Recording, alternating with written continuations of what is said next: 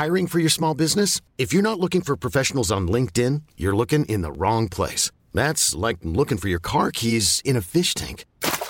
LinkedIn helps you hire professionals you can't find anywhere else, even those who aren't actively searching for a new job but might be open to the perfect role. In a given month, over 70% of LinkedIn users don't even visit other leading job sites. So start looking in the right place. With LinkedIn, you can hire professionals like a professional. Post your free job on linkedin.com slash achieve today. Ever catch yourself eating the same flavorless dinner three days in a row? Dreaming of something better? Well, HelloFresh is your guilt-free dream come true, baby. It's me, Gigi Palmer. Let's wake up those taste buds with hot, juicy pecan-crusted chicken or garlic butter shrimp scampi. Mm. Hello Fresh. Stop dreaming of all the delicious possibilities and dig in at HelloFresh.com. Let's get this dinner party started. Hi, I'm Daniel, founder of Pretty Litter. Cats and cat owners deserve better than any old fashioned litter. That's why I teamed up with scientists and veterinarians to create Pretty Litter. Its innovative crystal formula has superior odor control and weighs up to 80% less than clay litter. Pretty Litter even monitors health by changing colors to help detect early signs of potential illness. It's the world's smartest kitty litter. Go to prettylitter.com and use code ACAST for 20% off your first order and a free cat toy. Terms and conditions apply. See site for details.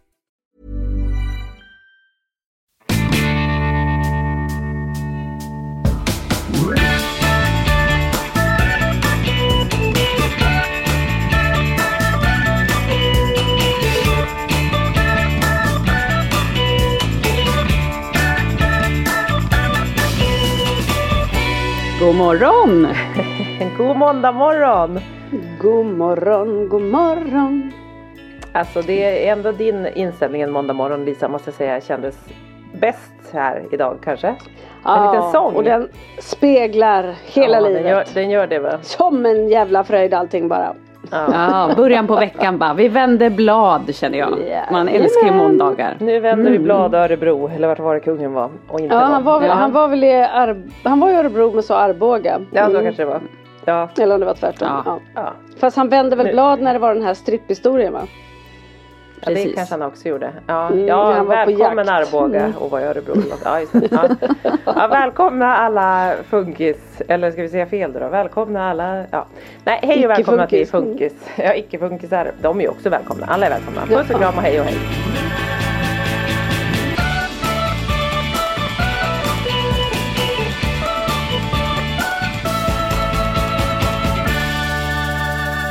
Ha? Ja! Hur gör vi det här? Hur gör vi det här?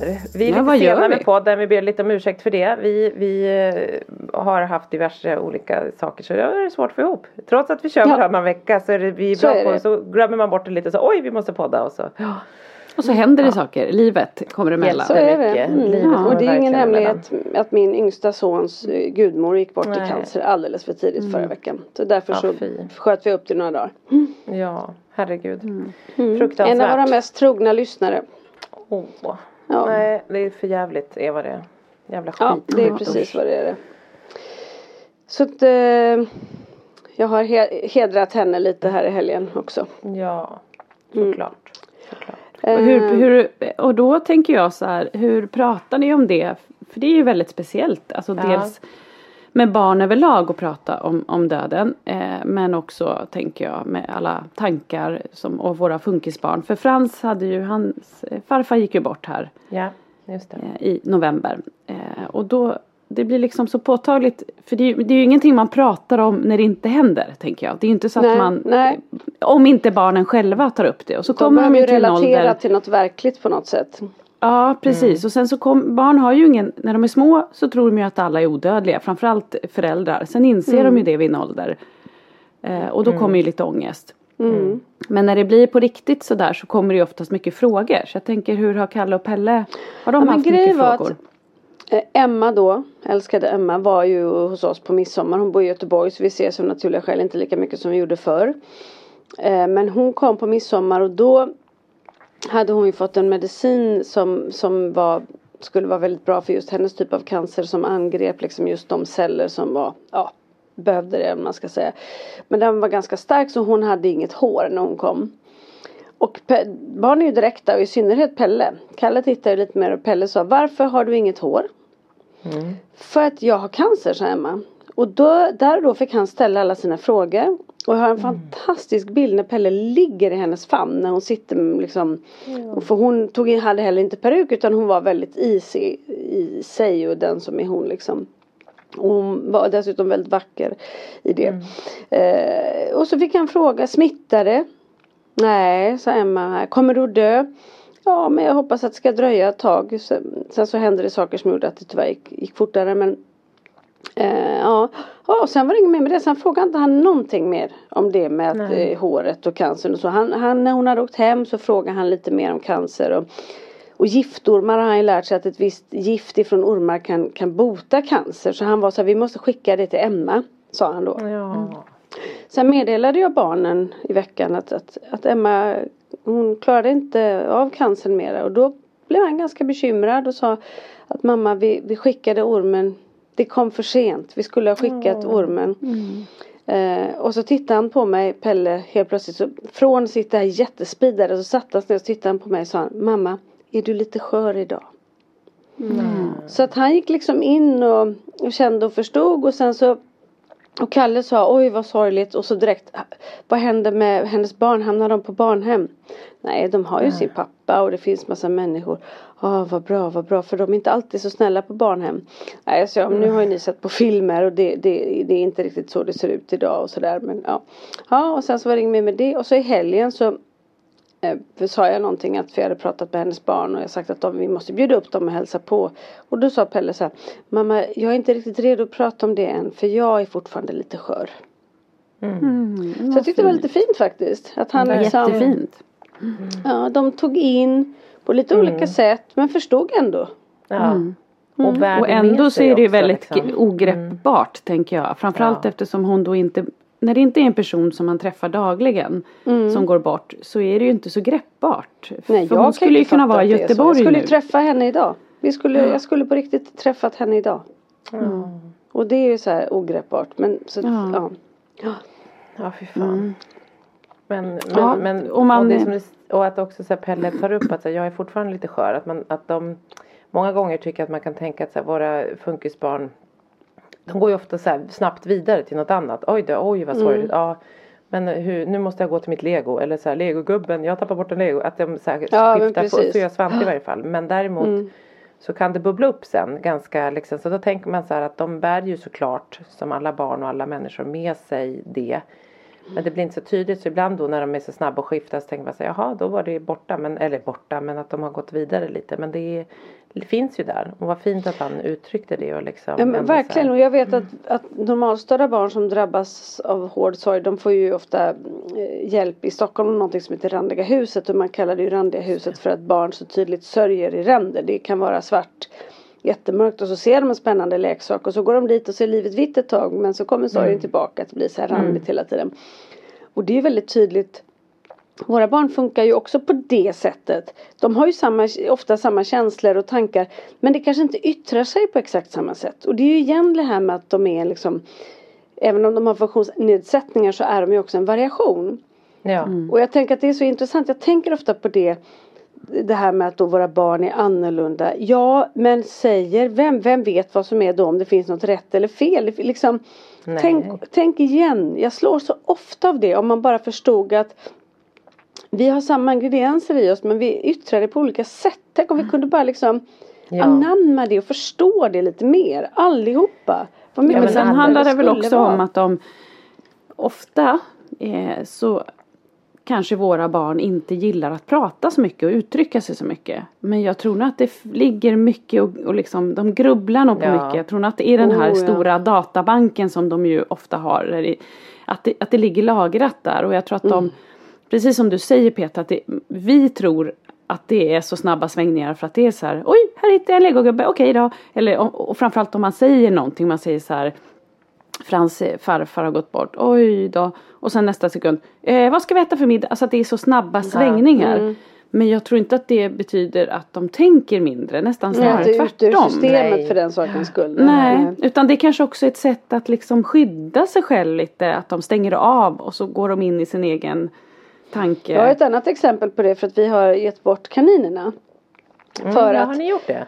Ja, jag trodde jag skulle få dem där ett tag. Ja, jag såg nu en liten besvikelse hos Peter Nej. här. Ja, nej men så här. Grejen var att jag tyckte väldigt mycket om de där kaninerna men det var ett ständigt dåligt samvete för mig. För att dels bara att se djur i bur mår jag dåligt av. Och jag tog inte upp dem och gosade med dem som de behövde. Och faktum är att Kalle tyckte om tanken på att ha kaniner men han var ju aldrig där. Och ganska ofta så sover jag inte hemma. Då så ska man alltid ha någon som matar dem. Det var så här ständigt liksom aber. Plus att det inte är helt gratis att ha två kaniner som ska äta och hö och halm och nytt och byta. Och, alltså det är ju en del meck liksom. Så vi såg till att de här fick ett nytt hem. Och Kalle var okej med det. Och sen så har han inte pratat om det. Och så är plötsligt igår kväll. Mamma, jag är världens sämsta pappa. Då kom det. Apropå Ja. det vi pratade om. Att Ja. han så här. Jag borde ha. Och det var en helt ny sida av honom. Att han helt plötsligt hade suttit och tänkt på massa saker som han borde ha gjort. Det har jag aldrig upplevt tidigare. Jag kan nog inte, jag får nog säga det till Isolde att vi kan nog inte skaffa barn för jag kommer inte kunna ta hand om dem. Nej men lilla hjärtat. Ja, och då fick jag säga, nej men det, det hänger inte alls ihop Kalle. Det, Men en annan- Så är det inte. En annan grej tycker jag också som är lite det här som också är en typ av sorg. Det är ju att våra barn ofta får gå igenom separationer. På, nu menar inte jag att eh, liksom separationer i, i familjen utan jag menar att viktiga personer i deras liv ofta försvinner från en dag till en annan. Det är ju Ja. inte liksom Oh, ja. det är ju någonting som är vardag. För det sa Frans, igår skulle vi åka på bio. Och då när vi sitter själv i bilen så är det alltid så mysigt. För då blir det lite lugnare om man pratar lite mer.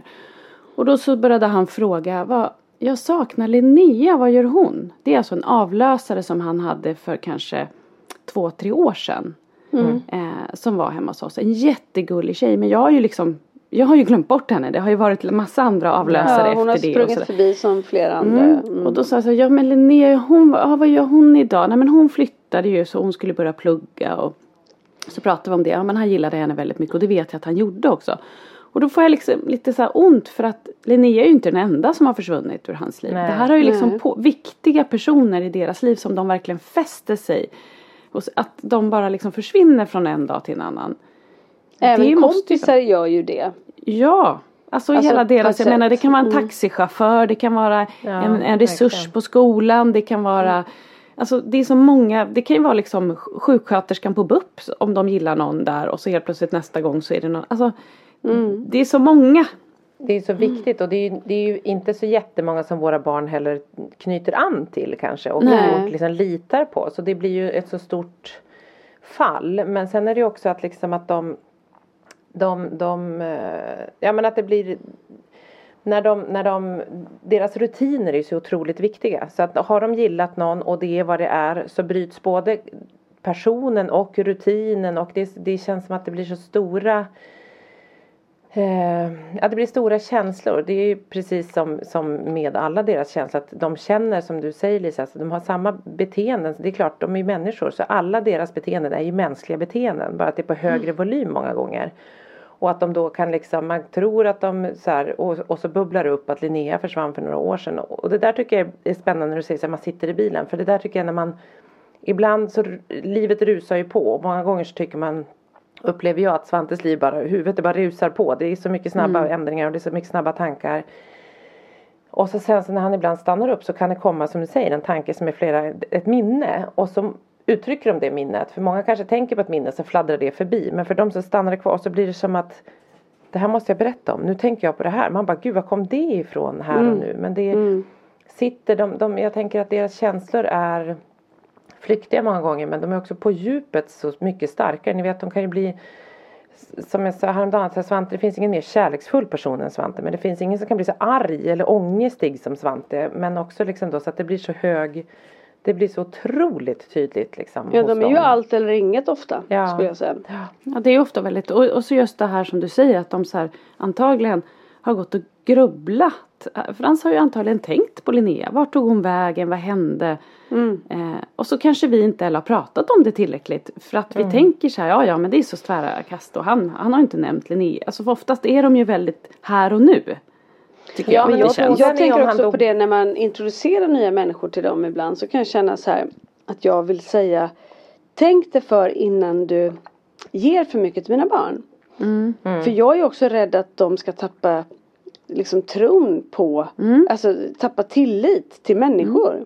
För de blir svikna så många ja, gånger. att de blir svikna. Liksom människor som de öppnar upp sitt hjärta för och ser som otroligt tajta. Och så plötsligt så är de bara borta. Jag menar hur För oss är det jobbigt men för dem är, blir det ännu större också för att Människor är viktigare för dem för att det inte vimlar av kompisar. För att det inte vimlar av möjligheter. Nej. Så att alla de här blir ju superviktiga individer liksom. Och där tror jag att det är både, alltså verkligen så. För att det är ju som du säger att så här, de har svårt att, att hitta vänner eller hitta liksom relationer. Och när de då försvinner så blir det ju extra skört. Och där tror jag också att det finns en dimension av oss föräldrar. När vi ser så här Gud, som säger så här, man kommer in och någon vi ger så mycket till ens barn något och så, så tänker jag så här, nu kommer de försvinna. Att man också är o, så himla orolig själv. För man vet liksom så här, nu kommer, så att det är nog jättemycket ens egen också ångest. Ja, vi som- bär ju barnens sorg mycket större än vad Ja. de gör, det vet vi ju. Så att man är så här, gud nej, åh vad fint, nu uppskattar Svante eller Pelle eller Kalle eller Frasse det här så mycket och snart så kommer det vara borta. Så man hinner ju själv också väva in supermycket av sin egen sorg eller ångest i det att det liksom känns skört liksom. och besvikelse. Alla våra känslor Ja, men det är väl därför där. vi aldrig riktigt kan slappna av och njuta av att något funkar. Man kan aldrig känna så här, åh, tänk att taxiresorna funkar eller åh, Nej. tänk att avlösningen funkar eller kortis eller Men skola. därför att det känns ju också varje gång som någonting funkar så känns det ju som att det är på lånad tid. Exakt, det är Jaha. precis på lånad tid. Det är så, man vet bara att det, här kommer ta slut. tunna isen vi går på. Ja. Ja.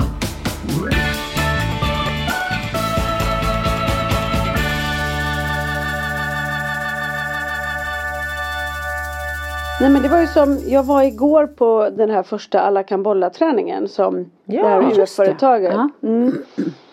Och det var det? ju, nej men det var ganska mycket barn där och då hade vi pratat om det här och Kalle har längtat jättemycket och han bara vilken färg har vårt lag och liksom så här superpeppad.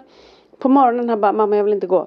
Nej. Jag bara varför då? Han bara jag trodde jag skulle vara själv. Jag bara, Pelle, du kan- Kalle du kan ju inte tro att du ska spela ett fotbollslag själv. Det är ju andra Ingenting lag. omöjligt. Det är inte Ingenting bara du och liksom Kajsa som tränare. Och det vet han ju om. Så det hade han ju bara, det var hittade han ju på Ja. för att han skulle ta Ja. sig ur. För då kommer hans nervositet att det är andra Ja. barn och han inte vet hur han ska bete sig. Och då försökte jag säga, jag körde ni vet den där Alfons-boken när de är så nervösa för att gå till skolan. Så jag bara, men Kalle jag tror att alla barnen är nervösa. Kajsa och de andra tränarna är nervösa. Du har ju ett försprång här för att du känner Kajsa och du har träffat de andra tränarna. Kom igen nu får du gå dit och liksom stötta Kajsa. Vis. Ja.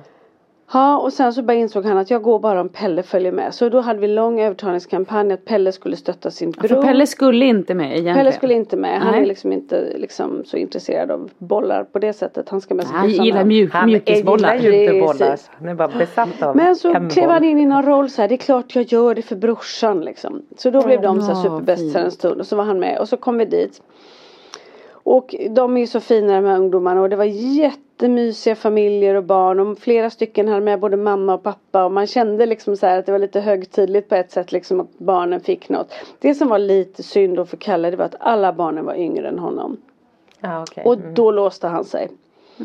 Till bara bebisar. Till, I sin basröst sitter han liksom och säger. Jag bara jaha och så ville han inte och då var liksom och det är ju så här leka, lära känna varandra, rulla boll. Han vill ju så här spela fotboll, skjuta och göra mål, vinna liksom. Så Pelle går dit, sätter och lägger armen om honom och bara brorsan kom igen jag finns här för dig. Samtidigt som Pelle bara sprang runt som en galning överallt och var högt och lågt och men då var det skönt och jag pratade med flera mammor om det där bara så här. Man behöver inte bry sig. Nej. Här är allt okej. För många barn bara gjorde vad de ville. Sen liksom alla föräldrar var ju med och liksom försökte styra upp sina barn och så. Men ingen behövde liksom känna att något, att man störde eller så de hade faktiskt väldigt roligt. Det var kanske en 12, 13, 14 barn eller något sånt där. Och sen så på slutet så fick de då skjuta straffar. Då eh, fick Kajsa upp Kalle. Och då gjorde vi också lite så här att vi sa till Kalle typ att han var lite så här lite förebild, lite hjälptränare så här. Då hittade han lite mer sin roll liksom. Men jag hade ju sagt så himla mycket att han skulle dit för att träffa nya kompisar. Mm. Men det, det är liksom han, han har ju alltid liksom, han blir lite impad av de lite större och sådär. Mm. Eh, Så det var synd. Men Pelle däremot, det var ju världens gulligaste lilla kille där. Det var ju så många barn liksom. Och så var det en liten kille, som, för Pelle hade ju med sig några gosedjur.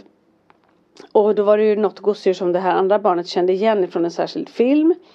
Och så tappade Pelle dem på marken och då kom det här andra barnet och varnade Pelle. Och då blev han ju liksom, nu hade han hittat sin kompis. Så att då Ja. gick han och sa det och så att tack så mycket för att du varnade mig så, här. och så på slutet så fick alla säga vad de hade tyckt varit bäst. Och alla sa så här och Pelle helt plötsligt bara ska ni inte fråga mig vad jag tyckte? Och så bara okej Pelle vad tyckte du var bäst? Och så bara satt han så här typ med så här cliffhanger och bara tittade runt på alla barnen och så bara tittade han på det här barnet och bara Det var när han varnade mig för mina gosedjur. Så jättehögtidligt. Men alltså du måste förklara på vilket sätt han varnade. Det lät ju, först lät det ju så här att han fick en varning att det var inte bra. Men det, han de menade hade att ramlat han, ner på marken så han varnade för att de kunde liksom på något sätt åka ut i han skulle ändå se, ja det var Han ändå skulle ta fint. hand om sina Han gosedjur uppmärksammade liksom. honom på att han hade tappat sitt En hjälteinsats. Precis. Ja, hjälteinsats Ja. och det var Det var- väldigt stort. Ja. Men just i sådana här sammanhang, man älskar ju sådana sammanhang när man Mm. är med andra funkisar. För att vi föräldrar slappnar ju av. Och jag undrar om inte det, alltså dels måste ju barnen känna av att vi är lite mer avslappnade. Alltså Det dels, tror jag. Mm. För att annars är man ju på tå. För att man inte vill, det handlar ju inte om att jag som förälder skäms för att Frans ska göra eller säga konstiga saker utan jag är ju, vill ju skydda honom mot de andra som kan titta och skratta åt honom. Liksom. Det är det man är rädd för. Eh, men det måste ju vara så skönt även för barnen att känna så här, här passar jag in. Eller alltså så här, hur, Ja, undrar hur, de, hur deras tankar liksom- är. Ja, eller om de bara skiter i det. Jag vet inte. Jag tror många, många skiter i det. Och andra kanske känner så här att, att de får kännas lite bra. Mm. Eller eh, bara liksom känna, eh, som du säger, känna ron. Att det inte ställs Ja men så jag höga tänker krav. att det för en gångs skull kanske inte för att jag menar även om man försöker dölja att så här, äh, man, man är, om man hade varit på en annan typ av sån träning och Pelle hade ränt runt så hade det känts så här, gud vad han stör, gud han förstör för de andra, han är iväg, alltså han bara inte Mm. lyssnar, han pratar hela tiden eller vad man nu gör. Att så här, att, att din, även om man försöker att inte vara så här tyst nu eller liksom försöka styra dem så, så, så blir man ju stressad vilket gör att ens energi går upp och blir annorlunda. Att bara så här, att inte de behöver känna det. Även om de inte liksom kanske tänker så åh äntligen får jag vara som alla andra. Men att det bara är så ett lugn och ro precis som du säger Lisa. Att så här, Ja men om man sitter med de andra bara- föräldrarna och ler ja. åt barnen. För att det är fin- inte Ja. så här, oj vad händer här utan Nej. så här, åh vad det här är Din energi, alla föräldrars energi också mot barnen tänker jag. För att vi föräldrar är ju så på tårna hela tiden och liksom på den här tunna isen och med lite andan i halsen liksom. Ja, och då bara kunna vara så här, verkligen. Gud vad, alltså ingen, ingen sån energi runt oss heller mot barnen. Ja men sen är det liksom. också så härligt för att då sitter det, det var några mammor som satt där jag satt och man börjar ju prata direkt och hur man direkt så här, man känner man har ju sina behov av att prata om just barnen. Om saker och ting som är jobbiga och det var någon mamma som sa liksom att ehm, eh, hon bara när jag, när det här, när mitt barn med, med, med, med funktionsnedsättning var liten då var det ingen som ville umgås med mig och de tyckte bara han var jobbig och den där ungen som bara skrek. Och sen så fick jag ett annat barn som var mycket lättare. Då ville alla helt plötsligt vara kompis med mig igen. Och då kände jag bara fuck off typ. Och den där känslan känner man ju igen. Att så här, nej nej nej nej nej. Kan du inte ta mitt funkisbarn så får du ingenting av oss liksom. Nej. Och det är så intressant hur man Normalt sett när man träffar en människa så har man en lite uppförsbacke innan man börjar prata om viktiga saker. Här är det bara det rakt finns på ingen, kärnan. ja, det finns ingen spärr känns det Nej. som. Utan här blir man För liksom att behovet är så stort och vi vet ju Ja. också att det förenar oss. Och det kan vara så otroligt skönt att bara prata och känna den där liksom samhörigheten och förståelsen och liksom. Ja.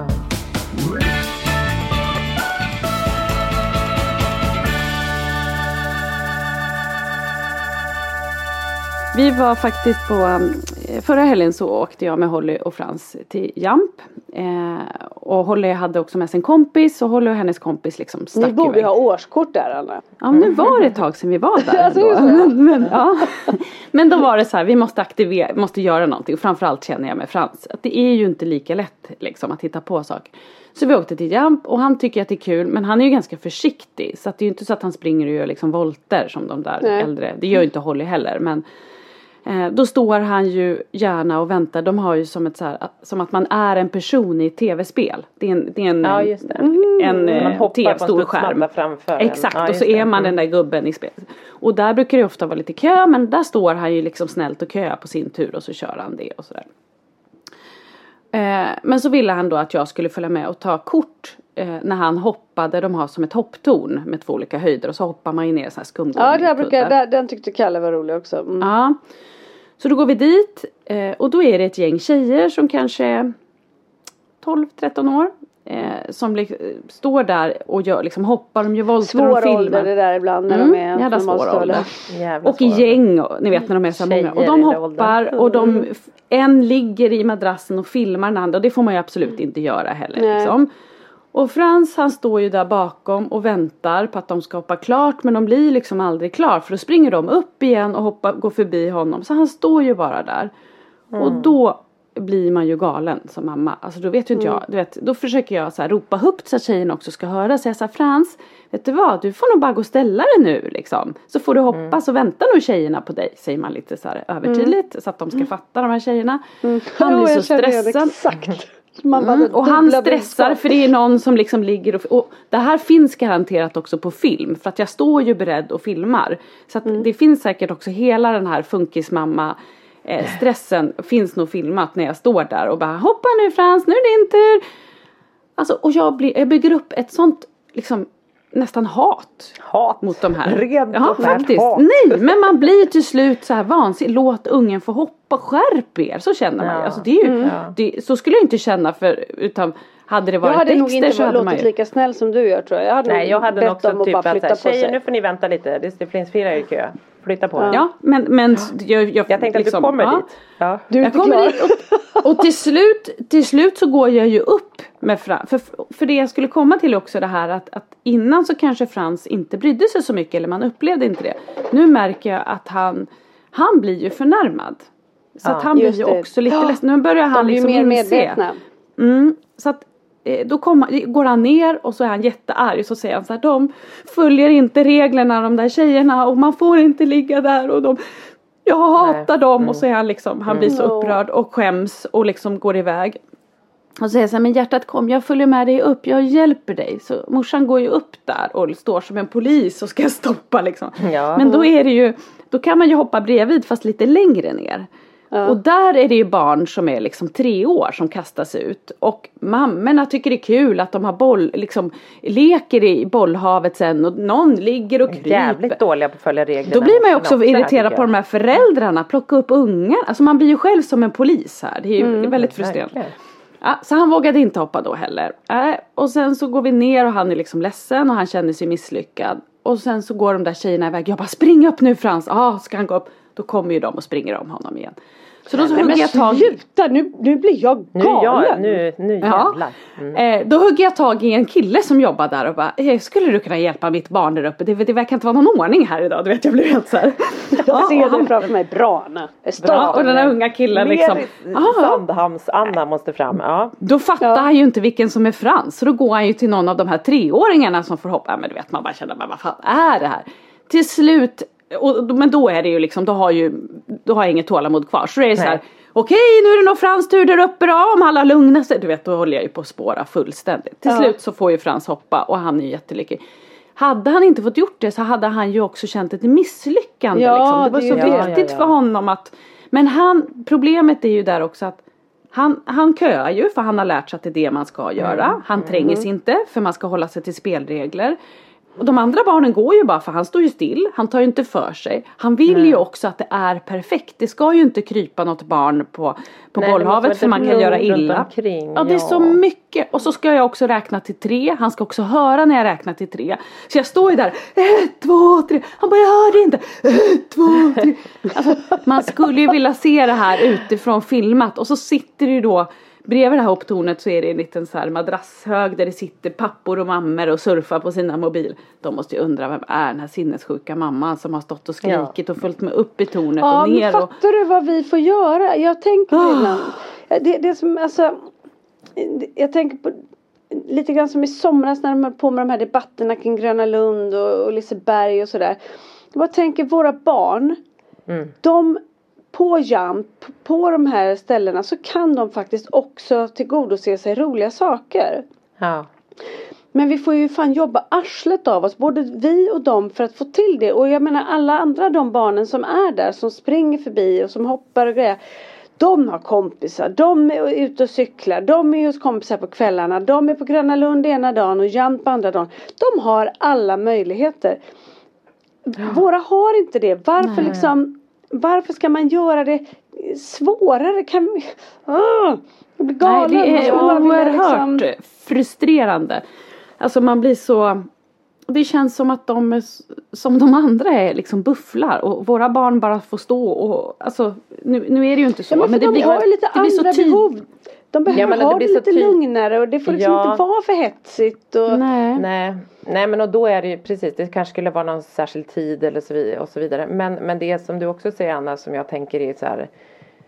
Vi som funkisföräldrar, hade jag varit där med inte funkisbarn så ha, vi har ju så andra glasögon. För hade jag varit där med Polly eller med några andra barn bara liksom och varit, då hade jag ju direkt sett så här, hallå nu är det ett barn som står och väntar och behöver få vara med. Alltså jag hade ju sett Frans även om inte Frans hade varit mitt barn. Ja, för att man såklart. har sådana tydliga Oj oj oj nu har den där pojken stått där jättelänge men det är som att eh, har man inte levt i det så är det som att man inte Det har vi pratat om tusen miljarder gånger att så här, Man fattar inte Man kan inte Nej. liksom Att man bara Och ja men så de ska leker man inte på. Heller så glömma- Kidsen löser det där man bara Nej, ja, och det där tycker jag faktiskt är en grej som, som ju Frans har lärt mig.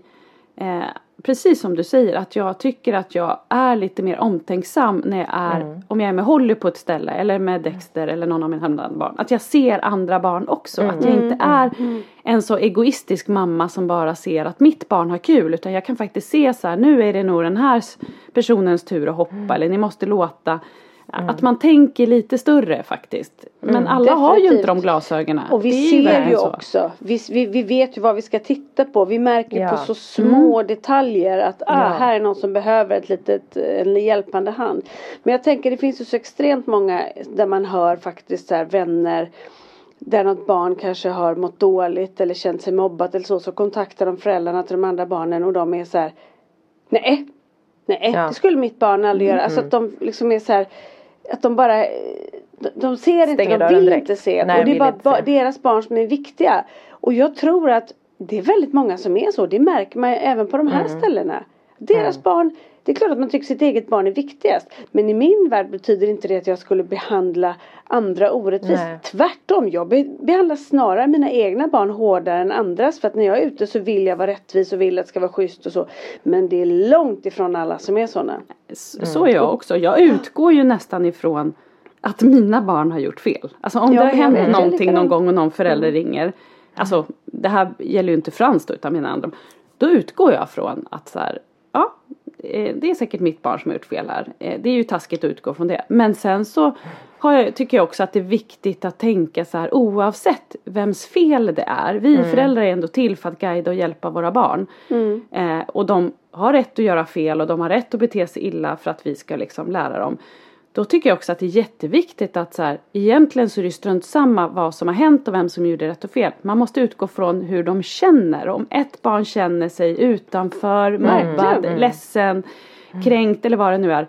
Då spelar det ingen roll vad som var rätt eller fel utan då måste man ju lösa det. Hjälpa dem Precis, att det nu finns en beef och den löser man oavsett Ja, liksom. Ja. men alla föräldrar är ju inte samarbetsvilliga där utan det är som att istället för att så här, det här ska vi två som föräldrar guida våra barn och hjälpa varandra och bli sams. Så är det som att det är en fight mellan föräldrar. Nej, det var inte mitt barn. Alltså, åh, sånt där kan jag bli galen på. ja, Och ja. där, den är ju ganska stor i funkisvärlden också för våra barn är ju ganska Alltså det är ju ingen som ger sig eller alltså de hamnar ju lätt i konflikt. det Ja, ingår ju någonstans oh, i hela ja. diagnosbilden. Och där är jag jättenoga med när jag träffar föräldrar att så här om någon säger åh förlåt mitt barn och då säger jag vet du vad jag är rätt övertygad om att mitt barn var väldigt delaktig i det också. Och att de är Mm. två om det här. Nu ser vi bara till att de löser det och blir vänner.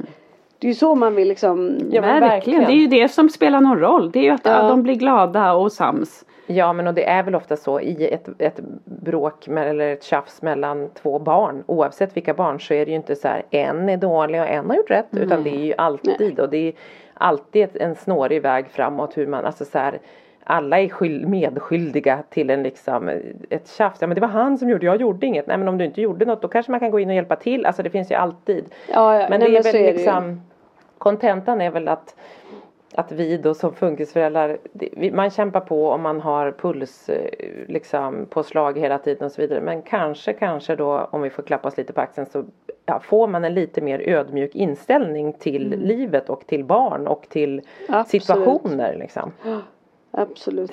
Det var också så roligt ska jag säga då när vi var där på Jamp så jag jobbar ju med Let's Dance och Frans gillar ju alla typer utav tv-program med utrustningar i och sånt där. Och han älskar ju Let's Dance. Och då kommer Cecilia som är dansare i Let's Dance. För hon är där med sin son som heter Hugo.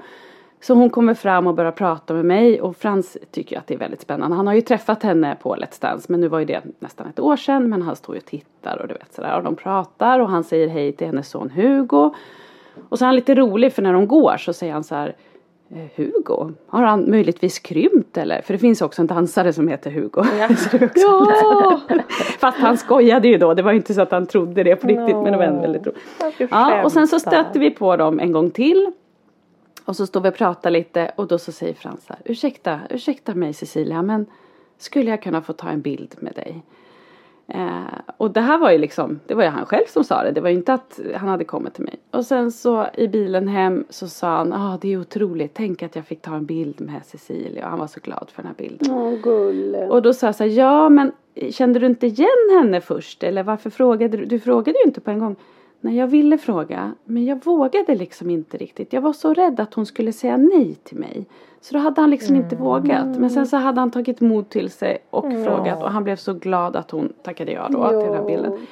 Och då tänker jag också att det är också en grej så här, förstå vad många gånger de säkert känner så att de inte vågar saker för de inte tror tillräckligt på sig. Alltså det tror jag inte bara gäller en, en sån här sak utan jag tror att de överlag är så rädda. Det kan ju gälla kompisar eller gå före där och hoppa i tornet att man vågar inte för de är så himla rädda att de ska få ett nej eller bli tillsagd eller eftersom de ofta är väldigt kravkänsliga också. Ja. Att de har det där skulle liksom. aldrig våga fråga en sån sak. Aldrig Nej, någonsin. Svante heller. Nej. Svante Det var ju modigt. lite för, han var ju lite förtjust i en tjej som gick i hans klass förut. Eh, en tjej som ju bor på Storholmen Lisa. Som, eller Ja bodde. just det, ja. Och han gick då i samma klass som henne och han tyckte ju, så märkte man så här han liksom varje gång om vi så skjutsade honom på morgonen så kom hon med sin mamma eller pappa. Då duckade han så här i bilen. Jag bara, nej men. Och sen inser jag så här, men han är ju liksom lite, tycker att hon är lite fin. Så Mm. liksom under ett års tid så peppar jag bara, har du pratat med, med Signe som han hette någonting? Han bara, nej jag törs inte. Jag bara, men du kan ju säga hej. Jag, jag tittade, hon tittade lite på mig en gång. Jag bara, men säg hej. Då går han liksom ett helt läsår och törs inte ens säga hej till Signe. Men så han på det är så gulligt. slutet av terminen så tordes han säga hej. Han bara, först så började han, han bara jag kan vinka. Så då vinkade han så här lite ibland. Men jag tordes inte säga hej. Men sen så tyvärr så så slutade hon i hans klass för de har också så lång resväg till skolan så att de bytte ja. Men det var väldigt gulligt och det var så här ett helt år och tordes inte säga hej. Så att det krävs mycket. Det gör det ju för många. Men, Men, det är intressant att, att så här, våra barn som oftast är väldigt gränslösa ändå har någon typ utav spärr i sig. För att Ja. det är ofta det man tycker att de inte har riktigt. Att det kan komma vad som Ja, helst. det är det jag säger, samma innehåll men det bara kommer ut lite olika. Ja. Ja. Det är ju för, ja. Och det är därför man heller aldrig lär sig för det kan vara så jävla olika. Men från det ena till det andra, Petra, vet du att eh, Anna och jag, apropå Let's Dance, vi har ju haft en liten, eh, ett litet jobb tillsammans som nu är klart. Jaha. Att, att min programledare Rickard Ja, Sjöberg Lisa ska vara med. i Let's Dance. Nej. Jo, visst, Men vi måste nej gå förut, på det tillsammans då Lisa. Vi ska gå Ja tillsammans. men eller du det måste vi ja. göra, men jag kommer inte ha med några barn. Nej, barn får inte vara med på, på, Nej. på sändningen. Det är, det är barn, alltså det är typ eh, 18 års gre- 15, Kan inte 18, jag få ja. följa med även fast jag Jo. inte jobbar med Rickard? Jo, det är klart du får. Ja. Vi går Ja. dit, det vore ju fruktansvärt roligt. Ja, gud. Alla är inkluderade och välkomna här. Mm, det är bra. Det är bra.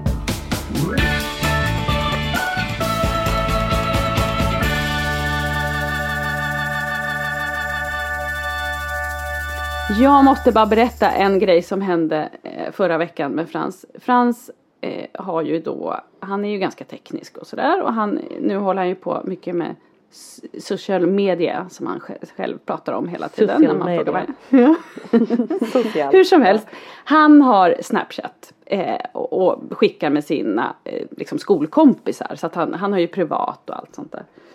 Eh, och så var jag med Melvin på hockeymatch och Henrik var hemma med barnen men åkte bara snabbt och hämtade Dexter som var på träning. Och då ringer Vilgot och säger så här. Pappa, jag tror du måste komma hem. Frans är i upplösningstillstånd. Oj då. Jaha, var vad är det inte som hänt? pappa och inte mamma tänkte jag. Ja, Ja. jag satt i, i hockeysek. Så att han fattade aha, att det var Du satt och kommenterade. Ja. Ja, eller kommentera speaker. Roligt om jag skulle kommentera en hel match. Det ska jag börja ja, Är du speaker då eller? Ja, men jag kan börja kommentera. Där, där Ja, det- sådde du ett frö. Vet ni inte att det var med, det var så jag kom in i filmbranschen att jag jobbade som sportreporter på TV4 Uppland och sen blev draftad till ett produktionsbolag i Stockholm. Skämtar Jag har du? kommenterat ganska mycket hockey. Uppsala Kan du ge mig alla dina Ja. tips så kan jag få glänsa? Ja, det är bra. Jag svimmar. Okej. Mm. Nej, nej men då i alla fall så, eh, och Henrik var ju på väg hem så han bara ja men vad är det som hänt? Då har Så säger William så här, nej men Frans han har fått en förfrågan på Snap och det är någon som ber om hans nummer och nu har han panik här hemma. Jag vet inte vad jag ska göra. Jag försöker lugna honom men han har panik. Ja, då kommer Henrik hem och då säger Frans åh herregud det är katastrof, det är katastrof.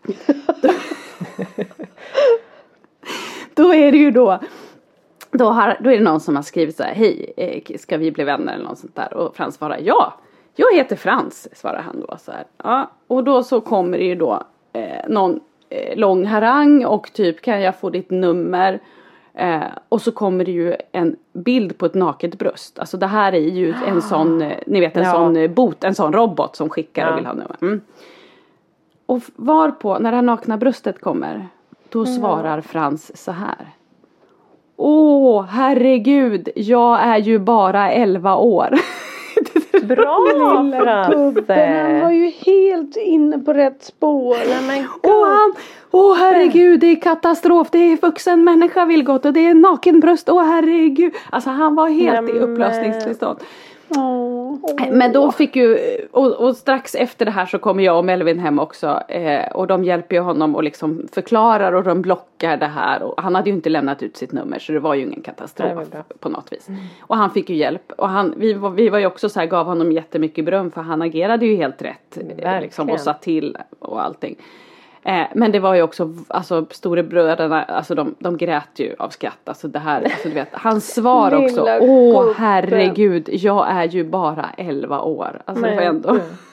Då måste jag berätta väldigt kort. När vi var på väg upp till Åre så var det väldigt halt och det var, det var precis innan nyår. Det var liksom, det var ganska läskigt att köra. Vi åker och precis, ni vet när två filer blir en.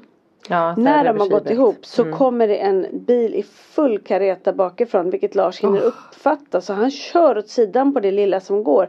Och han sniker bilen med en centimeter eller någonting. Han har varit för ouppmärksam och ser inte. Så hade Lars inte flyttat så hade vi ju toksmält. Fy Och. Lars blev så förbannad. Han, han blir ju lätt arg om inte så folk sköter sig. Här Så från jag Sundsvallet fick- Anna. Mm. Ja precis. Så vi, Ja, det fin- eh, ilskan finns ju där, hatet. Ja. Nej, jag. Ja och det här var utanför Sundsvall dessutom. Ehm, eller Hudik typ. I alla fall så. Jag får kolla upp då vem som äger bilen. För han tog regnummer. Vi hittar vem det Gör är. du det här i bilen alltså? Kollar upp, går in på reg? Jajamän, sitter jag Som bredvid en där och, polis? Ja, bra. Mm. Och ehm, det är en kille som bor i Sundsvall, vi får numret Såklart. och Lars bara ringer och ringer och ringer och personen svarar inte. Till slut kommer ett sms bara, vem är du? Och Lars, för jag fick ju då svara hela tiden, jag bara svara så får du se skulle jag skriva. Ja och han bara, eh, men va, va, oj sluta ring eller något sånt där. Bara svara istället. Nej, svara inte. Och till slut så bara så får jag skriva så här. Sitter du i en BMW ut mellan Hudik och Sundsvall så får vi ett svar så här. Men jag är bara tio år, jag kan inte köra bil. Nej. Då var det sonen, han hade två nummer. Nej. Skulle kunna ha varit Frasse. Ja, och, det, och jag är inte helt säker på att det inte var han som körde heller. Han Nej. kan ju ha, men han, ha- vi kollade upp sen vi såg att han hade två nummer. Både så, Men, men vad skulle ni säga till människan? Lars skulle fråga hon, för att så här, hade han som körde om, om han hade så blinkat eller stannat till och vinkat och varit så här, fasen förlåt det blev Ja. fel. Då hade man kunnat ta det men han var, var extremt nonchalant och körde vidare och alltså det hade kunnat smälla rejält. Mm. Nej, Så Lars ville nog fråga lite vad han höll på med. Ja. Men ni tog inte det andra rummet utan han hade ångat av lite där efter tioåringen. Så, Så, precis. då kände han att, Sen ja. så slutade kokan och gryta. Nu heter det, Men jag älskar att ni är som ett agentpar du och Lars. Du bara, Ja, jag kollar upp regnummer här och bara svara för att se och bara wow. Bra ja, det var där. faktiskt lite otäckt för det var också så här, Ja. det, var, det var väldigt halt och det var väldigt liksom så här, man, det tog ju istället för åtta timmar till året tog det ju nästan elva liksom. Ja, fy fan. Och det är läskigt när filerna går ihop sådär för det är ju många Ja. som inte har Och läst så hur många meter det är kvar också. och så Jag kör de gillar och inte så de bara där reversibla körfälten. Eller de är bra men de är också jävligt stressiga. För folk bara laddar inför att det ska komma till. Ja och så- det blev ju att vi låg två i bredd där det bara var en. Ja, oh, nej, det går inte. Nej, Men apropå, jag var ju också uppe, apropå då Åre. Jag har ju, var ju en, en helg efter förra var den helgen. kortaste så- skidhelg jag har hört talas om Ja. för övrigt men. Det var en jättekort skidhelg. Vi skulle åkt upp på torsdagen. Eh, med mina två systrar och deras, det var en barnfri helg och vi skulle egentligen åkt upp i höstas så det har blivit skjutet på och så vart det liksom Din syster har ju en lägen, eh, ett hus där va? Ja, min syster har ett hus i Edsåsdalen. Så jag och min lilla syster ska åka upp från Stockholm med våra män och vi skulle åka bil på torsdagen och ehm, hem på söndagen. Men, men sen så vart ju Svante sjuk så han var sjuk och vi hade ju kommit hem från Italien så det blev lite så här stressigt för den blev tidigare lagd helgen och det var liksom lite hetsigt att vi hade kommit hem och det var inte helt bra timing att åka bort efter bara några dagar. Men då, hur som helst, min, jag har liksom en liten spaning, eller jag har en liten tanke här kring, kring min helg och kring olika saker. Men då hur som helst, för att bara komma iväg på den där resan och det slutade med att vi inte kunde åka upp på torsdagen så vi flög upp, uh, sorry klimat, men på fredag morgon. För att sen åka hem på söndag igen med bil med min syster. Men då som funkisförälder, alltså så här, innan man ska åka bort.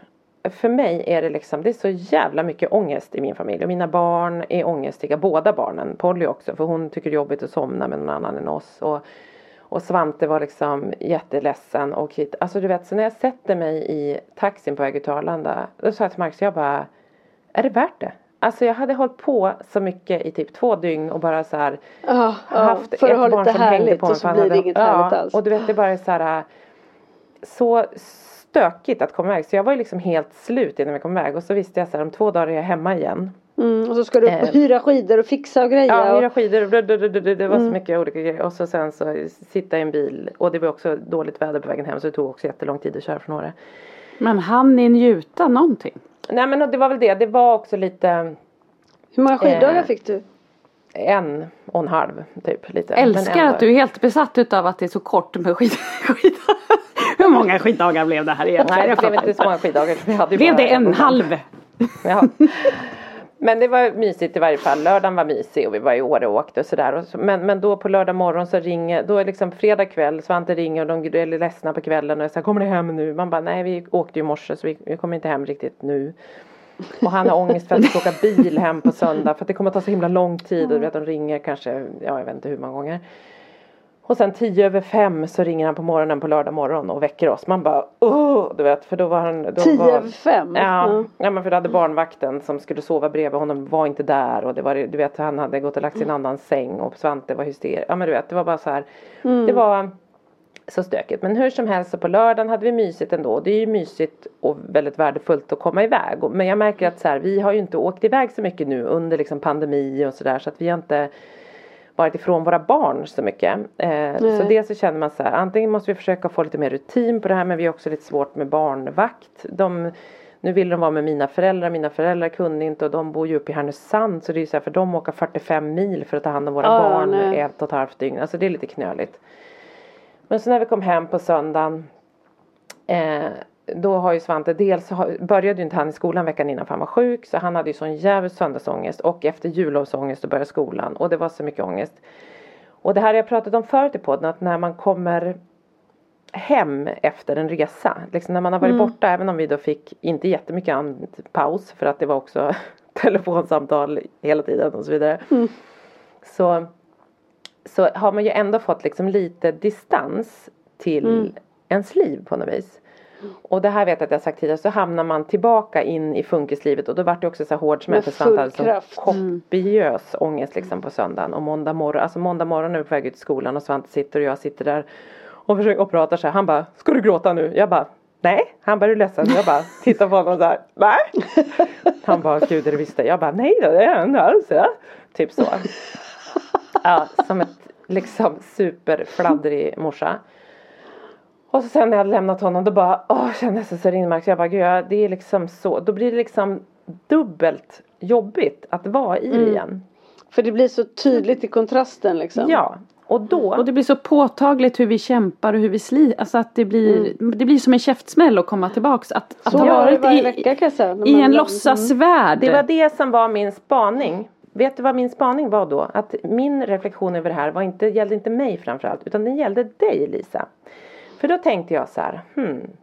Tänkte, och jag pratade med Max, jag bara, för jag, du får rätta mig om jag har fel, men jag tänker att så här att, att många, det är många funkismänniskor som lever liksom separerade och jag säger inte, men jag, jag tänker så här, eh, för jag kan ibland har liksom tänkt att så här, är, ibland, du har liksom gett uttryck för att att din, eh, det känns som att du så här, har sett ditt funkisliv väldigt tydligt sista tiden Lisa.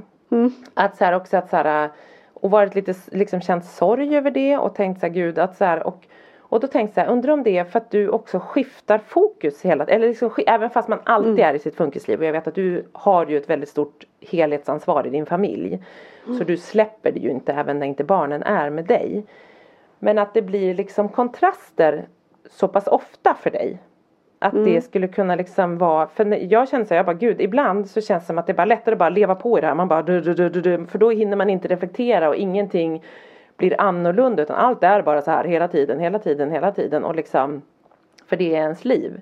Och jag tänker du både har varannan, inte riktigt varannan vecka för du har ju fler dagar än vad, vad barnens pappa har men att, att det blir som ett break för dig och komma tillbaka in i det. Och jag tänker också med att så här att du med Lars, att han har två barn som inte är i funkislivet. Att så här, kontrasterna måste bli jävligt utmanande för dig. Ja, och jag ska vara helt ärlig och säga att, att när jag är i funkislivet, det funkar inte helt bra för en person som kommer utifrån och inte har haft, och dessutom har stora barn och har haft små och är så här färdig med det. Han- tycker inte att det är toppen och det, det blir inte helt toppen mellan oss och barnen tycker inte det är helt toppen alltid med honom. Alltså det blir så här, det blir inte bra för vår relation. Så att mer och mer så är ju inte han med mig när jag har barnen. Nej. Utan Men han man är tänker- kanske på helgerna för han orkar inte alltid på vardag, han har sitt och sådär. Så att när jag då inte har barnen och är med honom bara så känns det lite grann som ett låtsasliv. Mm. Det känns ju inte liksom Att det inte blir på riktigt utan det Nej, är och jag liksom som en liten här bubbla då. jag Att och ni tycker det här är lämnar. lite mysigt att är med honom men det är inte det här som är på riktigt. Det här är inte mitt liv Nej. utan det är ju det där och då får jag ångest inför att det ska komma. Så har jag ångest för att jag känner så. Och så har jag ångest för att jag kanske tycker att det är lite skönt att vara utan.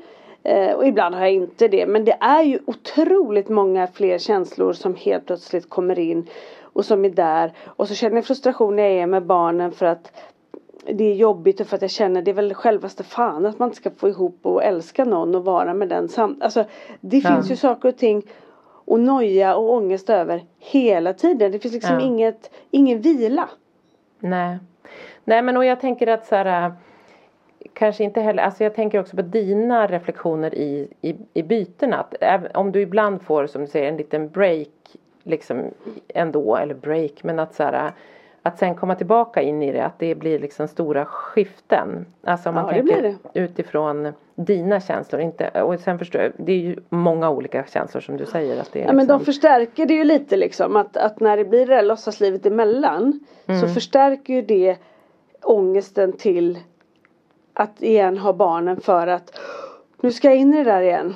mm, Och ja, även om jag så fattar det. längtar efter barnen och vill ha dem där så blir det ju mycket tydligare emellan på något sätt. Och där Ja. jag inte tillåter mig att leva och slappna av emellan på samma sätt som jag skulle önska för att och, eh, funkislivet är ju hela tiden med mig för att jag så här Oj nu är det bara två dagar kvar, nu är det bara en dag kvar och nu ska jag liksom Så det blir ju väldigt det, Ja, det men- blir ju, ha- hade jag levt i det hela tiden så blir det en annan balans och ro på något sätt Mm. än vad det blir. Sen så eh, nu, nu låter det som att jag klagar, det gör jag inte. Det, jag har det jättebra många stunder både med och utan barnen liksom. Så det är inte så. Men just de känslorna du pratar om, svar ja, är ju mycket tydligare. Ja. Mycket Men det är ju tydligare. inte så konstigt för Nej. man, då får du ju liksom testa på. Är man i funkisbubblan och så köttar man bara på och då är det ju så här. Man stålsätter sig, det är så här det är. Men så fort man hamnar utanför den, för så tycker jag det är bara om jag är med mina andra barn på någon aktivitet eller någonting. Mm. Då kan man ju känna så här, jaha, det är så här det är. Eh, Att, att, Ja eh, exakt. Att, det räcker att att leka. fika med Holly och det funkar bra. eller Precis, någonting, så liksom. leker man så här, det är så här det skulle kunna vara och så här, och det är då det, är oftast då den här sorgen kommer att så här, jaha, det skulle kunna vara så här lätt eller vad man nu kan säga, alltså det skulle kunna kännas så här och sen så kastas man tillbaks igen. Det, det är ju liksom farligt att få Jo men testa för också på det där köttandet du pratar om.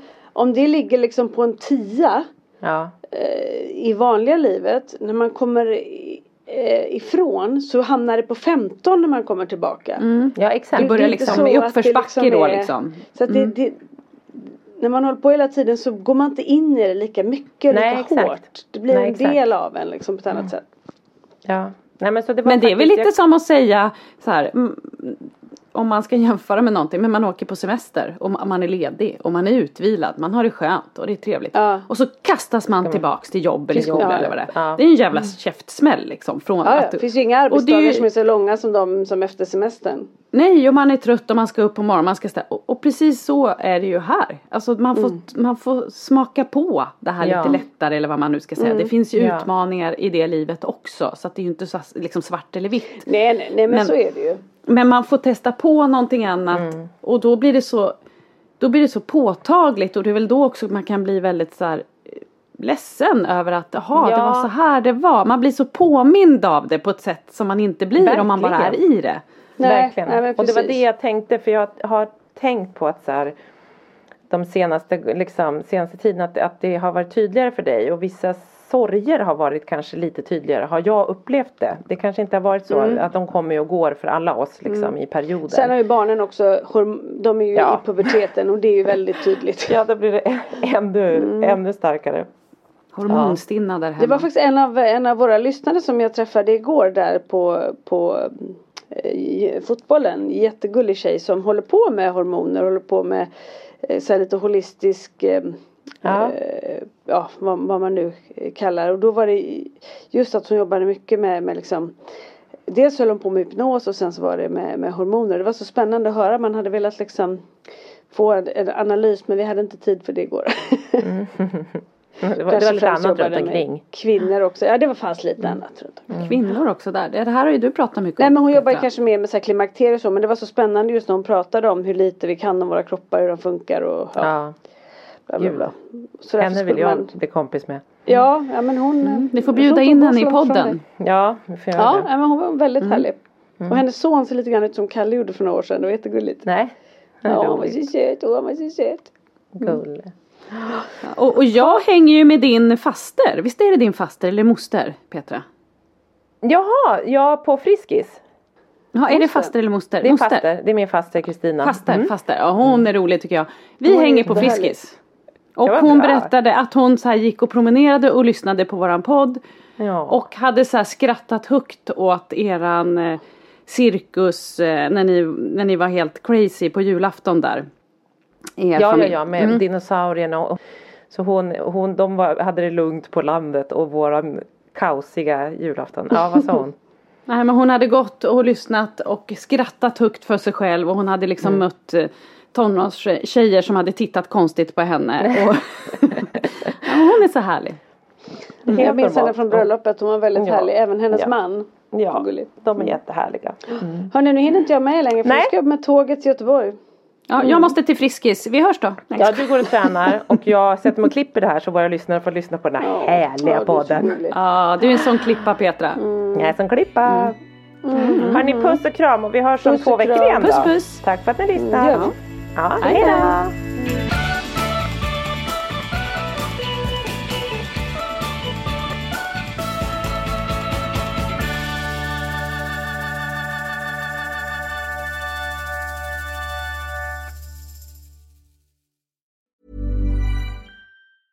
Selling a little or a lot?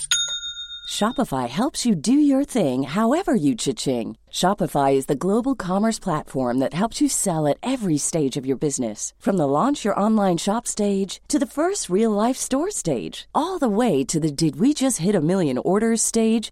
Shopify is there to help you grow. Shopify helps you turn browsers into buyers with the internet's best converting checkout. 36% better on average compared to other leading commerce platforms because businesses that grow grow with Shopify. Get a $1 per month trial period at Shopify.com slash work. shopify.com/work. Hi, I'm Daniel, founder of Pretty Litter. Did you know cats tend to hide symptoms of sickness and pain? I learned this the hard way after losing my cat Gingy. So I created Pretty Litter, a health monitoring litter that helps detect early signs of illness by changing colors, saving you money and potentially your cat's life. Pretty Litter is veterinarian developed, and it's the easiest way to keep tabs on your fur baby's health right at home. Go to prettylitter.com and use code ACAST for 20% off your first order and a free cat toy. Terms and conditions apply. See site for details.